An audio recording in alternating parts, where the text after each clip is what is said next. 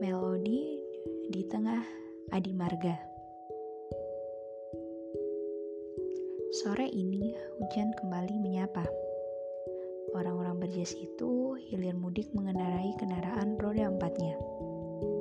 Begitupun muda-mudi berseragam coklat tua coklat muda turut meramaikan licinnya jalan raya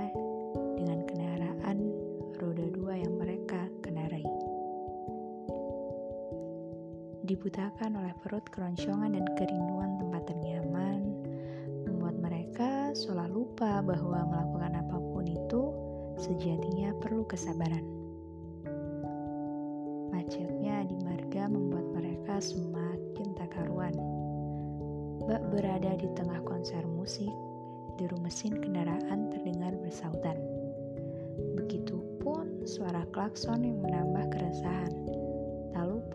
Gemercik air hujan turut mengiringi apa yang menjadikan mereka menjadi lupa diri.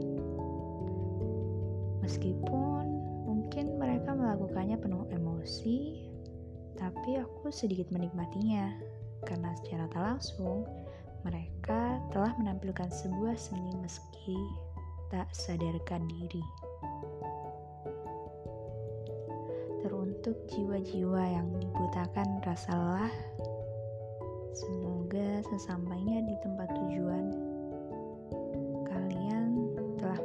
sedikit kebebasan dan segera dibukakan pintu hatinya agar lain kali mencoba lebih sabar dalam menghadapi situasi apa pun itu meski tak kalian sukai.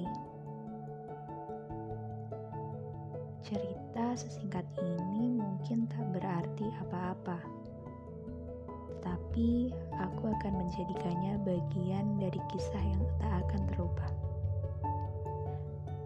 kasih partner baikku.